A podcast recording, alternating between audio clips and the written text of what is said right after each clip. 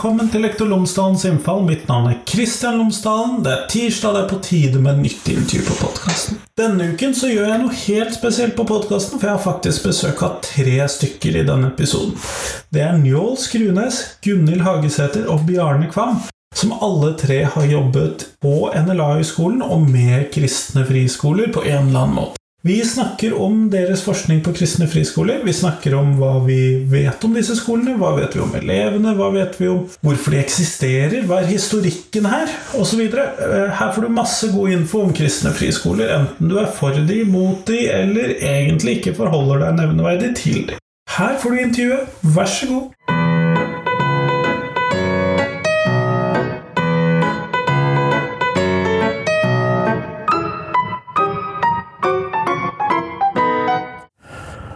Njål Skrunes, Gunhild Haugesæter og Bjarne Kvam, tusen takk for at dere har tatt, tatt dere tid til meg i dag. Det var fint at vi fikk en invitasjon. Ja, jeg er veldig glad for at dere kunne. Eh, før vi begynner eh, selve intervjuet, så lurte jeg på om dere kunne fortelle meg eh, tre ting om dere, sånn at eh, lytterne mine kan bli litt bedre kjent med dere. Ja, vi er alle tre ansatt, eh, eller har vært, på Norsk Lærerakademi, eh, høyskolen. Eh, vi er nå pensjonister med varierende ansiennitet som pensjonister. ja, og vi To av oss da er professorer, og Bjarne han har vært rektor i nesten hele sitt liv ved Norsk Lærerakademi. Og vi har utdanning som er litt forskjellig, da. Eh, ved det at eh, Gunhild Hagesæter hun er pedagog. Eh, jeg er teolog. Og Bjarne er pedagog. Ja, en blandet gjeng. Ja. Men Kjempeflott. Dere har skrevet, eller vært redaktører for, er vel det riktige, en antologi som heter 'Kristne grunnskoler'. Eller jo, kristne jo. grunnskoler. Men det jeg da lurer på, selvfølgelig er hva vet vi om kristne friskoler generelt sett i Norge? Ja, du får starte du, Gunhild. Ja, Noe av det vi vet, er jo at sammenlignet med de fleste andre land, så har vi relativt få eh, eh friskoler. Og det er slik at eh, det gjelder både på grunnskolenivå og på videregående nivå. Eh, vi snakket akkurat om det i sted, og rundt 5 eller i underkant av det, er det vi regner med at det er av elevgruppen. Eh, disse skolene de vil nesten alle sammen være godkjent etter friskoleloven. og Det betyr at de får statsstøtte, og at det er så lave skolepenger at det ikke skal være avgjørende det med hvor mange penger en har, med om en velger disse skolene. Ja, Så kan vi føye til at eh, noen av disse skolene eller skoleeierne har lange tradisjoner for etablering av skoler. Slik at eh, de katolske skolene går helt tilbake til midt på 1800-tallet. Litt etter da vi fikk altså i 1845 dissenterloven. Litt etter den, ja. ja. Slik at eh, det ble etablert av både katolske skoler, etter hvert eh, adventistskoler, og på Luthersmark ble det også etablert skoler. Slik at det er en skoletradisjon som går langt tilbake. Og de første som ble etablert før vi fikk denne dissenterloven, var jo da skoler skoler knyttet til kvekersamfunnet. Kveka-samfunnet. Men som da ble forbudt fordi det var ingen lovlig grunn til at de kunne opprette. Et litt, det, annet, det regelverk enn i dag. Mm? Et litt annet regelverk enn i dag. Det var det den gang. Slik at det var først når dissenterloven kom at det ble grunnlag for å opprette alternative eh, kristne friskoler i Norge. Men av disse friskolene som er eh, grunnlagt på religiøst grunnlag, da, ut ifra mm. friskoleloven, så er jo de aller fleste slike skolene i Norge kristne eh, i en eller annen variant av kristendom. Vet vi noe om eh, mangfoldet der eh, blant de kristne friskolene? Sånn i, med tanke på hvor de tilhører, og hvor de kommer fra, osv.? Ja, altså Du har de eldste skolene som da er knyttet til eh, de katol den katolske kirke og til adventistene. Det er de som Pluss du har det evangelisk-lutherske kirkesamfunn, som har skoler helt tilbake til 1800-tallet. Så det er konfesjonelt forankra skoler. Eh, Når det gjelder de lutherske skolene, de som forankrer innenfor den lutherske kirkefamilien, eh, med bakgrunn i statskirken, eller tidligere statskirken, de etablerte seg da på et forholdsvis senere tidspunkt når det gjelder grunnskolenivået, men på videregående, eller tidligere gymnas, var de oppretta litt tidligere. Så det er en forholdsvis stor differensiering.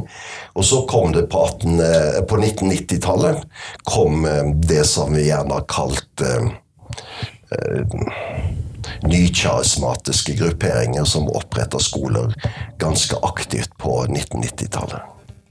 Men det har vært en økning i dette her de siste 30 årene, har det ikke det?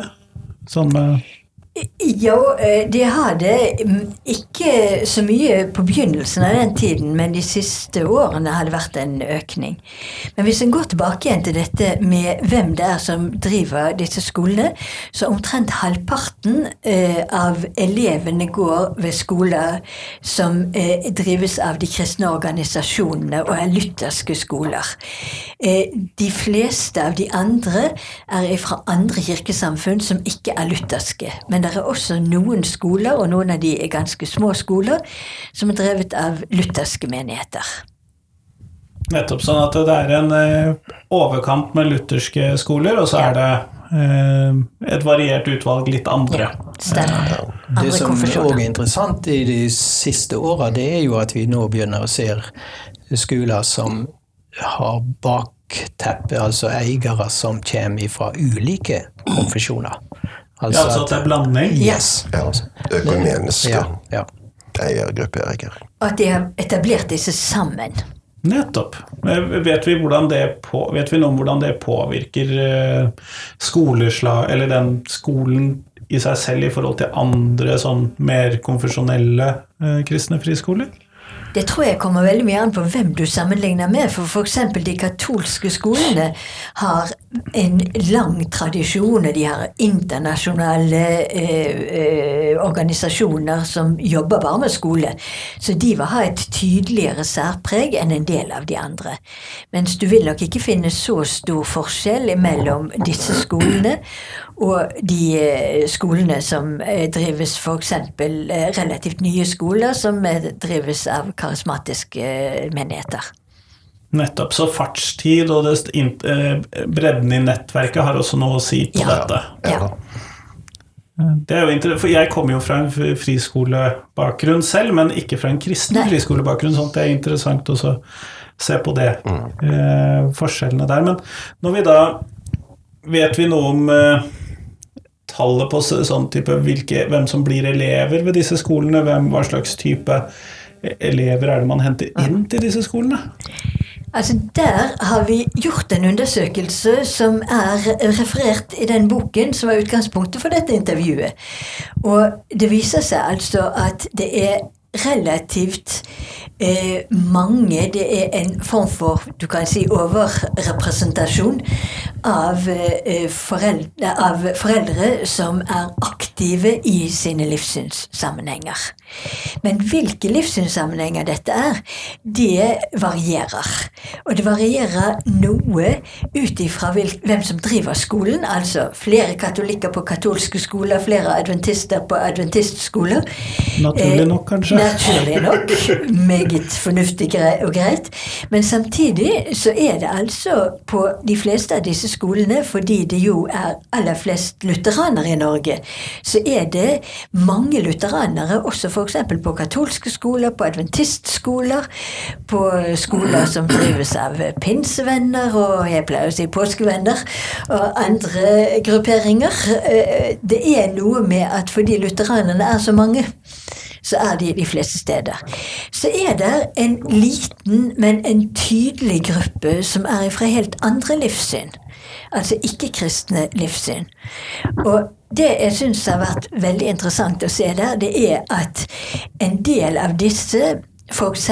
muslimer, har vi eksempler på at de velger skolene fordi de er kristne, og de er aktive i sine muslimske sammenhenger.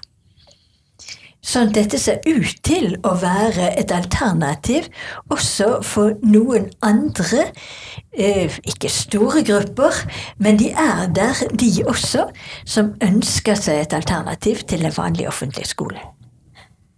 Nettopp. Eh, Men i hovedsak så er det da snakk om eh, elever med religiøs bakgrunn da, som velger eh, disse skolene. I den forstand at de har foreldre som er aktive, men altså Det er hovedtrekket. Det betyr ikke at alle har det. Og hvis en ser særlig på organisasjonsskolene, så er det eh, en stor del som bare er i kirken en gang i året, eller uh, knapt nok det. De som vi ofte omtaler som julaftenkristne, Ja, vi kan godt omtale dem som det. Men de skal også ha lov til å velge en slik skole, og ha lov til å ha et alternativ. absolutt. Ja, og de avspeiler jo da at eh, det er en bredere tilslutning av disse skolene enn det som du i første omgang tenker ved det at de er forankret i et kirkesamfunn eller i en bestemt kristen organisasjon. Det er folk som ønsker denne type undervisning, og sender derfor skole, eh, eleven til disse skolene. Alt dette betyr jo at uh, vi har fått en endring her fra 90-tallet og utover, der disse skolene har åpna seg mer fra sitt kirkesamfunn og ut mot samfunnet generelt. Slik at uh, denne tenkningen, og av og til så du leser at dette er gettoskoler, det er på en måte lukka miljø, uh, det stemmer ikke lenger. Altså det, det åpne miljø på disse skolene. Nettopp fordi det er et mangfold av bakgrunn for elevene. Og etter regelverket er de også forpliktet til, til å ta imot elever som søker om plass. Eh, også hvis de kommer fra andre sammenhenger. Det eneste unntaket er hvis, eh, skole, hvis det ikke er flere plasser igjen. Da kan de prioritere eget eh, kirkesamfunn. Hvis det står i regelverket deres og er godkjent av departementet.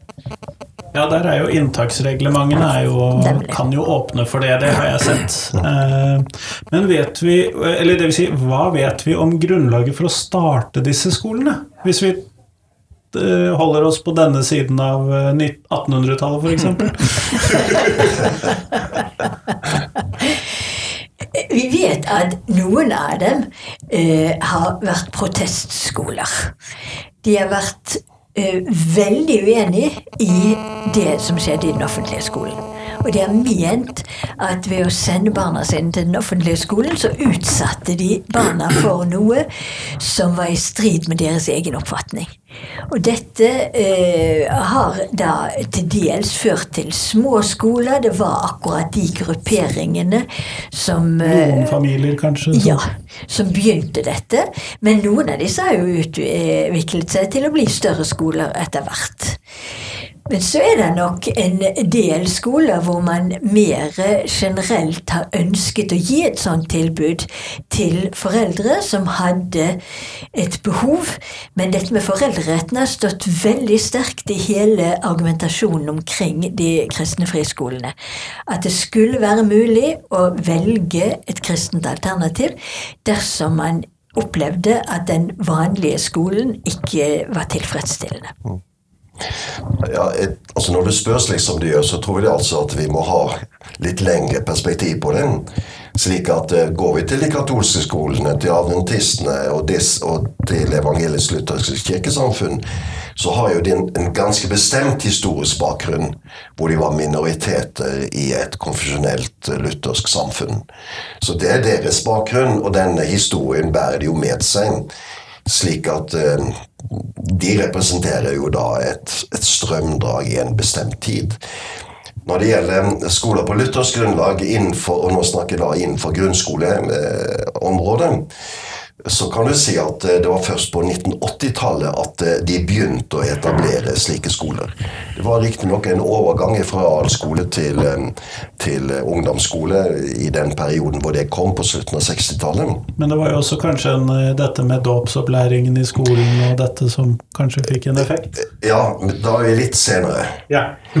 Da er vi litt senere, for Når vi er på 80-tallet, så får vi altså da en ny mønsterplan, og eh, det kommer da noen endringer. Det skaper et visst initiativ, slik at vi får f.eks. den første skolen innenfor Danielsen-systemet på grunnskolenivået på den tiden. Men når vi kommer til 90-tallet, så får vi de store endringene i den offentlige skolen.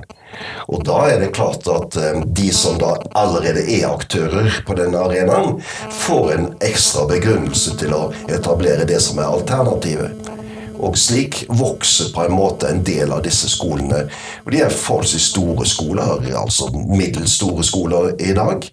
Og eh, endringene på 90-tallet er med på å skape et engasjement. Og de som vi da kaller de charismatiske skolene som etablerte seg sterkt på 90-tallet, er åpenbart da en reaksjon på det som skjer i den offentlige skolen. Så, um, så 90-tallet er en nøkkel til å forstå hvordan det store initiativet kommer. Og når vi snakker om eh, den offentlige skolen i denne sammenhengen, så er det jo det som skjer i utviklingen av kristendomsfaget. Altså, den- ja, det- der var det jo ganske stor utvikling på 90-tallet. Ja. Ja, Gunhild var jo med i denne komiteen som eh, lagde det nye kristendomsfaget. KRL-faget. KRL-faget, ja. Og der har det vært mange på alle sider som har vært misfornøyde i ettertid, har jeg skjønt etter hvert. Ja da. Eh, det hadde. Eh, og noe av dette er vel simpelthen at det var et umulig prosjekt å lage det sånn at det skulle passe for alle sammen.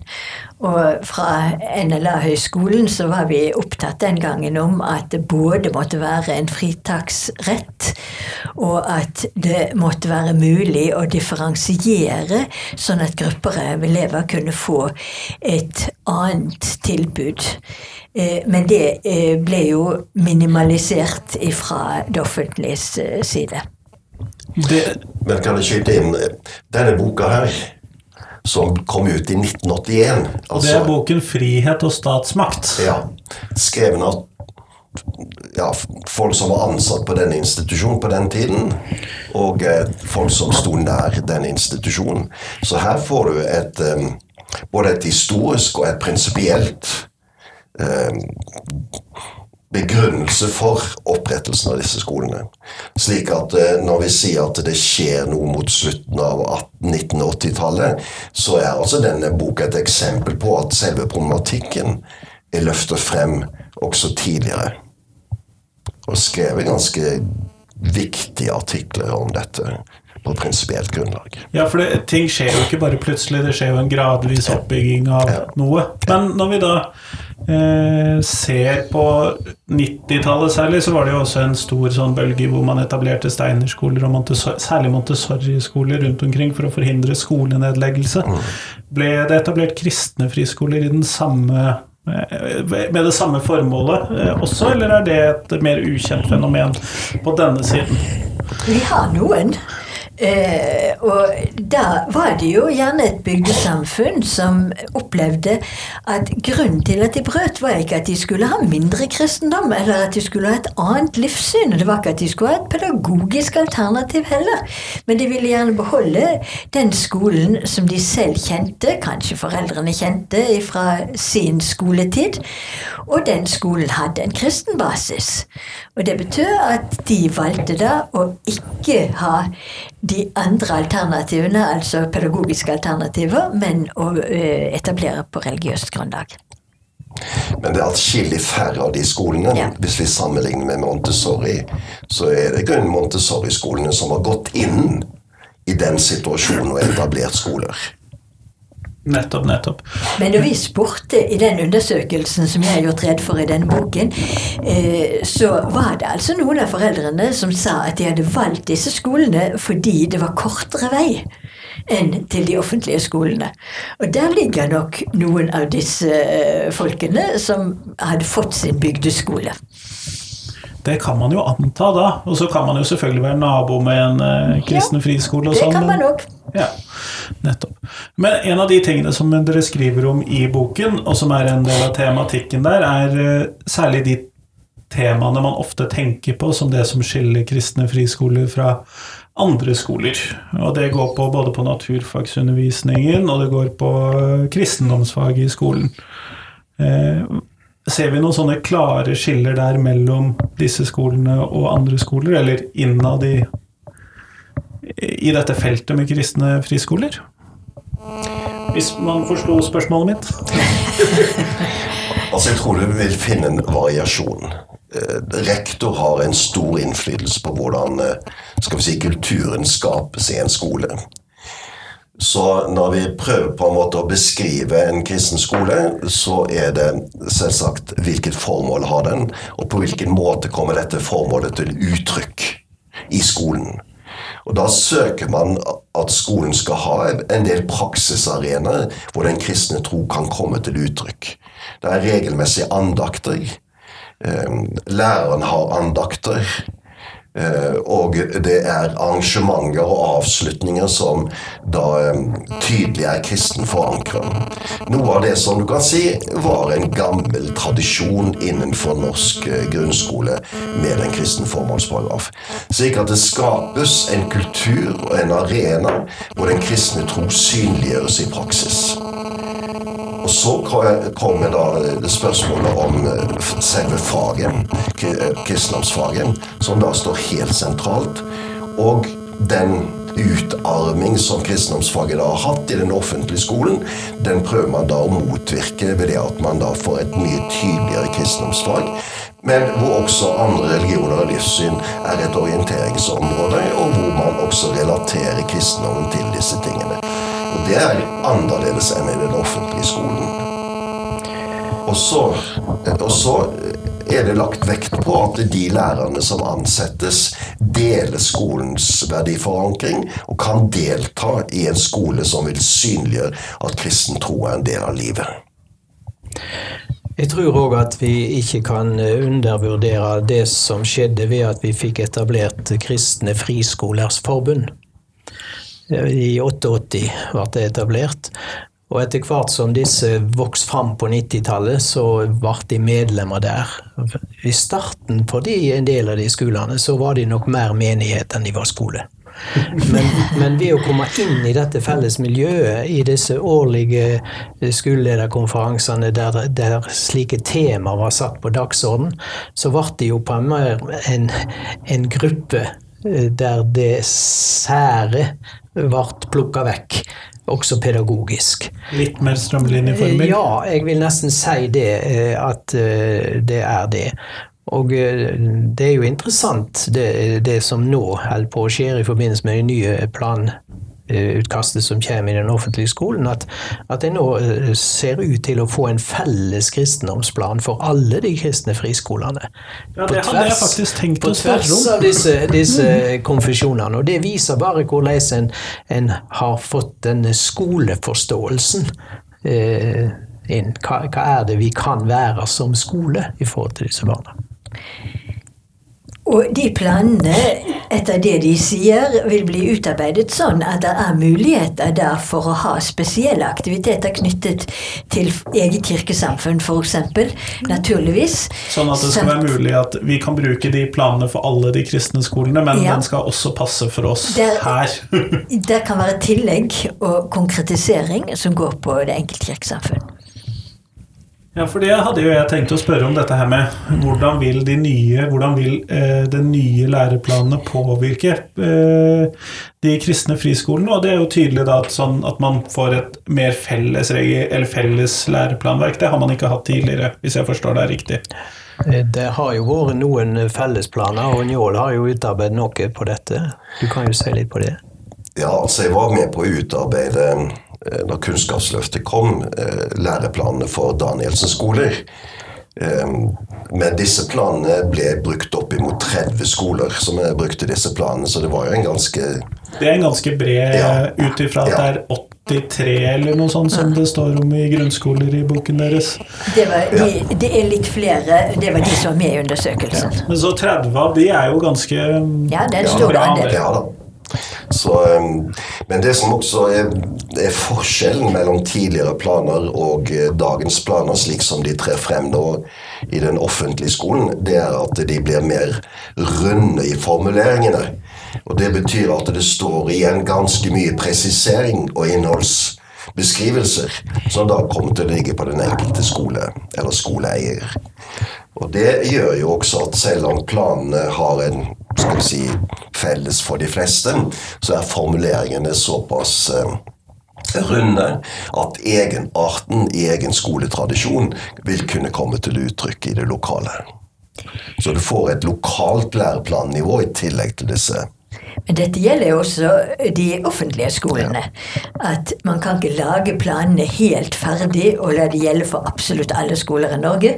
Man må ha et læreplanarbeid i tillegg, hvor man tar hensyn til de lokale forholdene. Men det er jo veldig interessant, for da kan man jo i større grad i hvert fall ha en viss kjennskap til hva læreplanene for de kristne friskolene er. Selv om man kommer fra et annet sted i landet, eller sånn, men så vil jo fokuset nærmest bakken være litt forskjellig. Men man, du kan nærmest forvente da at det er den samme læreplanen som på den skolen du gikk ut ifra hvis du flytter f.eks. fra Oslo til Trondheim. da. Det har jo skal vi si, en for, det- Resonnementet ditt har en forutsetning. Nemlig at uh, disse planene er såpass sterkt styrende at de skaper den likheten som du nå forutsetter.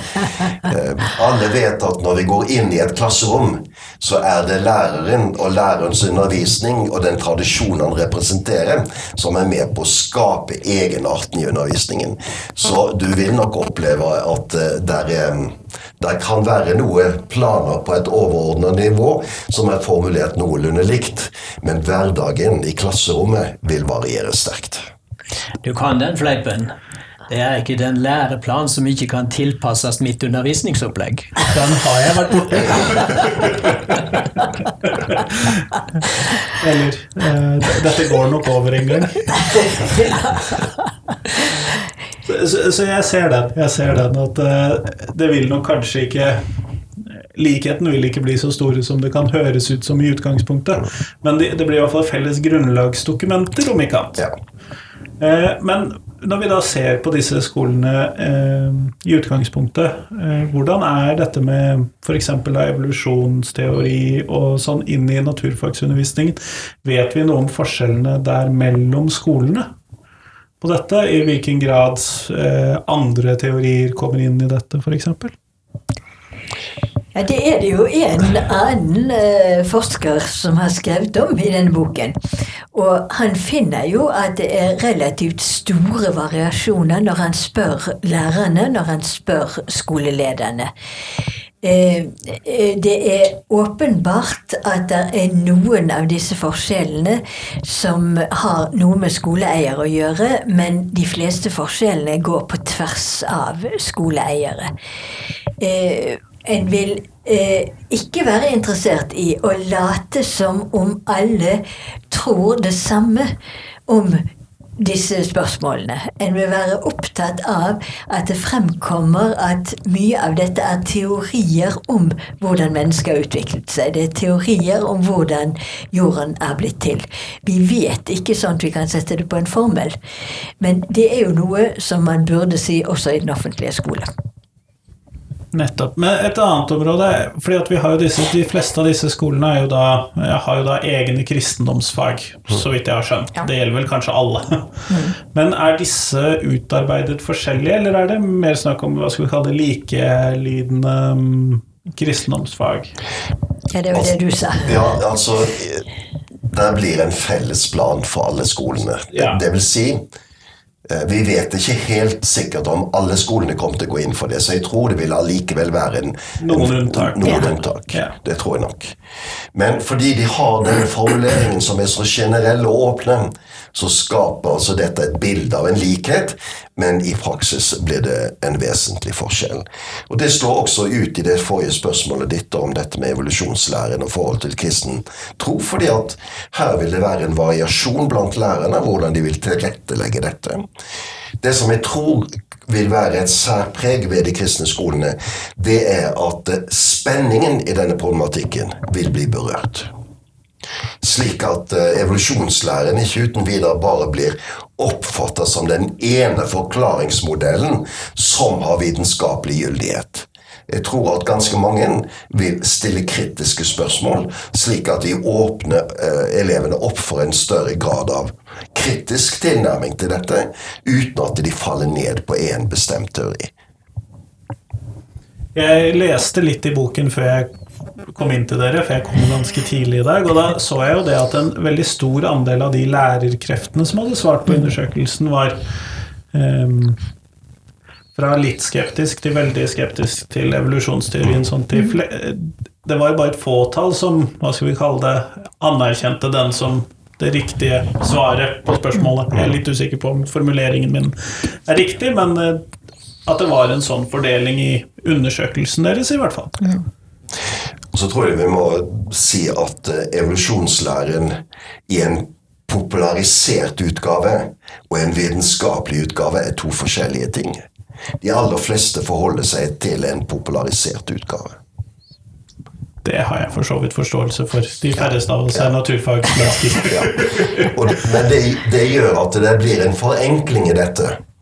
Og, og det kan slå litt uheldig ut eller litt variert ut. Men der er det jo også interessant at han fant ut at det var noen forskjeller mellom de som hadde dette som fag, og de som ikke hadde det som fag. Og hvor mye dette da er først og fremst i deres oppfatninger, og hvor mye det er i deres praksis, det vet vi jo ikke. For vi har Nei, for det er jo ikke spørsmålet heller. Nei, nemlig. Eh, men at der er noe med at eh, en del av disse som har naturfagene som fag, de vil ha en bedre faglig bakgrunn for f.eks. å ta opp dette med hva av dette er noe som vi vet, og hva av dette er noe som vi eh, har en teori om, og hva av dette er noe som Noe skal man jo gjette på, og vi gjetter på at det ene eller det andre er rett.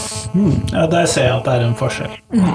Eh, men når vi tar også ser på de kristne friskolene, og når vi ser på den praksisen som er, og den kjennskapen som drar til kristne friskoler eh, fra et langt liv med dette, så lurer jeg da på hva er det den offentlige skolen kan lære av disse skolene, tenker dere, som, eh, med den erfaringen dere har? Tenker du bredere nå enn det enkelte fag? Nå, nå tenker, du nå som tenker jeg bredere. Nå ja. tenker jeg som skole, som ja. institusjoner, med mer. Ja. Vi har jo drevet lærerutdanning nå i 20-25 år og hatt praksis eh, både på offentlige skoler og friskoler. Sendt studentene ut og inn på dette. Eh, det er jo mye som er felles, fordi det er en skole, og du har barna, og du har eh, læreren, du har den konteksten som dette skjer i. Og eh, forskjellene mellom disse skolene er vel, som Njål sier, det, det, er hvilke klima som utvikler seg på den enkelte skole. Det er lærerne det kommer an på, det er rektor sin, sine prioriteringer og sånt. Og, og, og, det kan være mye gode slike i den offentlige skolen, og det kan faktisk være noen dårlige slike i, den, i, i friskolene. Men når en spør liksom foreldre og sånt, så, så, er det nok noen, en forventning om at disse skolene skal være nærmere på eleven og se eleven. Det er ofte små skoler som har mulighet for å, å lære den enkelte å kjenne. Slik at uh, vi, vi vi, vi, liker jo, eller vi ønsker jo å tro at eleven på en måte blir ivaretatt på, på disse kristne friskolene på en, på en, god måte. Uten dermed å si at det kan settes opp som en slags uh, formel på hvor mye eller hvor lite i forhold til de andre. Og når vi spør foreldrene om hvorfor de velger disse skolene, eh, og det har vi altså gjort. Så, eh, og vi gir dem alternativer, sånn at de skal eh, ikke prioritere å bare si én, men de kan gi flere begrunnelser for å velge disse skolene. Så er det at det er en kristen skole, og det at den er kjent for å være faglig god, og det at den er kjent for å være, ha et godt miljø, det er de tre grunnene som nevnes oftest. Og så kommer en annen sort begrunnelse, nemlig det at eleven selv ønsket å gå der. Eh, det kommer særlig når det gjelder de eldste elevene. Ja, for det er jo gjerne ofte en videregående ting. Ja, nemlig. Ja, men det slår inn på ungdomstrinnet. Ja, det gjør det. Ja, det gjør det. Helt tydelig. Interessant. Så jeg kan kanskje føye litt til. altså De aller fleste eh, kristne skolene er mindre skoler. Noen kan være oppe i 300 elever på ungdomstrinnet. og Det er forholdsvis store skoler innenfor eh, denne sektoren. I den offentlige sektoren mange steder bygger de enda større skoler. Ja, Vi har to skoler i Bergen på rundt 500 Ja. elever på ungdomstrinnet. Ja. Og i de aller fleste store skolene sliter de mye mer med disiplinproblemer, med ordensproblemer og ditten og datten. Jeg tror at en kan lære av at de små og mellomstore skolene har høyt faglig nivå og har strukturer som skaper trygghet. Så um, dette er ikke det gjort undersøkelser på, men jeg antar at um, hvis man hadde gått inn i dette spørsmålet mer alvorlig enn det en har gjort, så ville en funnet at um, skoler av mindre størrelser gir elevene større grad av trygghet. Så det er noe politikerne mer enn den individuelle skoleleder må lære av, med andre ord. Ja. Men for å vende litt mer tilbake til opprettelsen av disse skolene og utbredelsen av disse skolene og, og Dere nevnte i stad at noen skoler blir opprettet pga. protest, og at man ønsker et alternativ eh, til den offentlige skolen. Det er en protest til den offentlige skolen. Men hva er de prinsipielle og ideologiske grunnene for nettopp å etablere denne typen skoler? Altså, når vi fikk friskoleloven i eh, 1970, så lå det en ganske omfattende politisk debatt bak dette. Og den politiske debatten gikk på grunnlagstenkningen for hvorfor trenger vi et alternativ til den offentlige skolen. Og da er det noen grunne, helt fundamentale ideologiske perspektiver. Det ene er foreldreretten. Dersom foreldre ønsker et alternativ, så er dette ønsket sterkt forankret i internasjonal eh, rettstenkning eh, knyttet til menneskerettighetene. Slik at foreldreretten var meget vesentlig. Og Den norske skole hadde for så vidt bygd på foreldreretten gjennom lange tider. og det var denne bakgrunnen som på en måte var skolen som en hjelper til foreldrene. Men når foreldrene begynner å bli forskjellige i sine oppfatninger omkring det som har med det religiøse å gjøre, så kommer jo spørsmålet om alternative skoler. Og hvorfor? Jo, for foreldrene har en fundamental rett til å bestemme hvilken oppdragelse og undervisning barna deres skal ha. Det er en viktig faktor. Så er denne foreldreretten tett knyttet opp til religionsfriheten. Ja, for det går jo på oppdragelse av barna. Ja, fordi at da kommer du over på, på en annen side ved den eh, menneskerettighetstenkningen som har med dette med tanke og samvittighet og religionsfrihet. For det som skolen da, Den offentlige skolen representerte en påvirkning, en oppdragelse, som kom i strid med deres religiøse overbevisning, så hadde en da retten, på bakgrunn av foreldreretten, til å opprette slike skoler. Og denne retten til å opprette alternativ undervisning er altså dypt forankra i menneskerettighetene. Og så kommer det tredje feltet inn, nemlig spørsmålet om demokratiet. Og demokratiet sitt forhold til minoriteter og til mindretallets rettigheter. Så alle disse tre ideologiske eh, plattformene er vesentlige for å forstå at det etableres, og fortsatt vil etableres. For foreldre, religionsfrihet og mindretallsrett vil bli mer og mer nødvendig i et sterkere pluralisert samfunn. Og også i et samfunn hvor statsmakt og pengemakt er så sterk som den er. Nettopp, nettopp. Sånn at eh, dette må jo da samtidig innebære en, hva skal vi kalle det, en endring i majoritetsforståelsen i samfunnet om hvem som er majoritet og hvem som er minoritet i samfunnet. Da.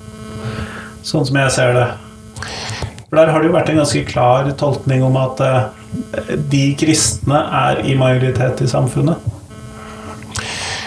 Ja, og altså igjen må du ha historiske perspektiver på dette. fordi at vi har vært et sterkt konfesjonelt luthersk samfunn. Et forholdsvis sterkt enhetssamfunn. Slik at de som da på en måte kom på siden av dette, slik som katolikken, adventisten osv., de opplevde da at eh, de måtte ivareta en egenart i sin egen oppdragelseundervisning. Og så endrer denne religiøsiteten i samfunnet seg, og som gjør at den blir mer flytende, mer utydelig, og foreldre opplever at dette blir et problem for dem. Og så kommer spørsmålet om opprettelsen.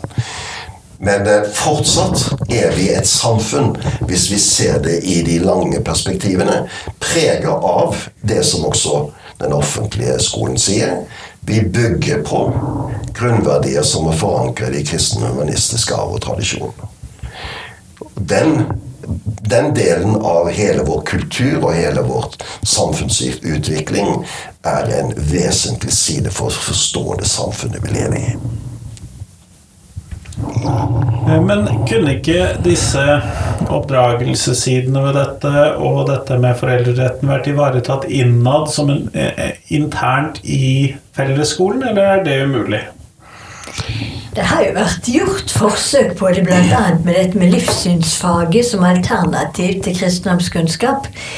Eh, men eh, det var noe som var opp til kommunene hvorvidt de skulle ha eller ikke ha. Og det var slett ikke alle steder at de hadde det, og det var slett ikke alle steder at det fungerte spesielt godt.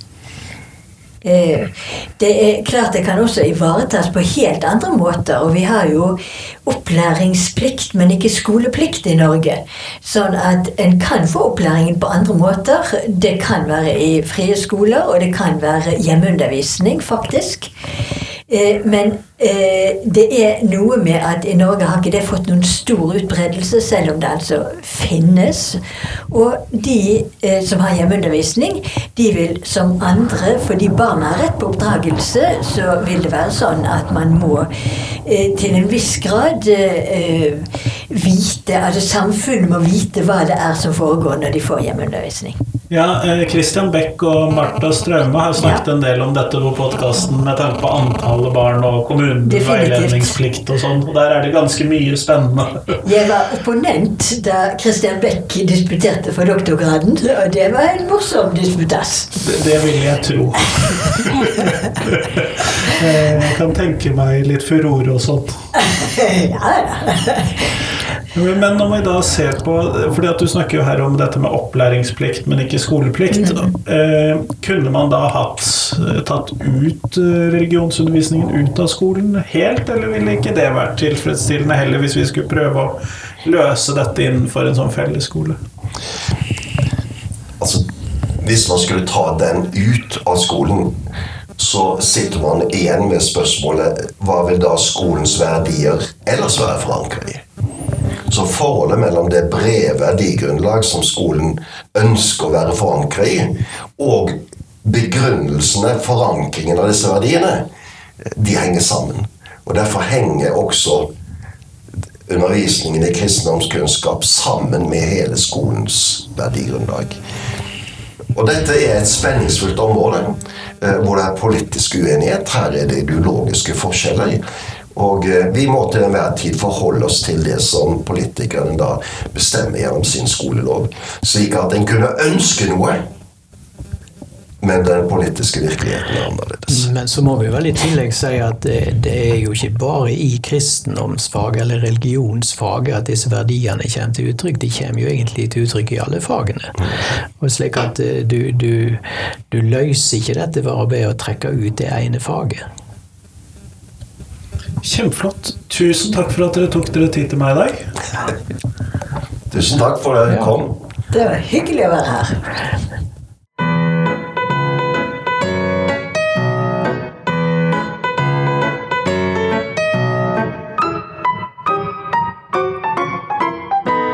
Tusen takk til Njål, Gunhild og Bjarne, og selvfølgelig tusen takk til deg som hørte på. Nå er det en uke igjen til neste podkastintervju. I mellomtiden så håper jeg at uh, du klarer å slappe av. Nå nærmer det seg selvfølgelig jul, men jeg håper også at du kan få hørt noen gamle podkastepisoder fra Lektor Lomsdalens innfall. Det er jo, dette er jo episode nummer 183, og har du hørt alle de andre, hvis du går inn på Soundcloud og finner podkasten her, så finner du i tillegg en del spillelister, sånn at du får det litt mer tematisk fundert. Eller kanskje du kan gå inn på lektorlomsdalen.no og søke opp én bestemt kategori med episoder. Det er i hvert fall noen tips fra min side. Men i hvert fall, fram til neste uke, ha en fin uke. Hei, hei!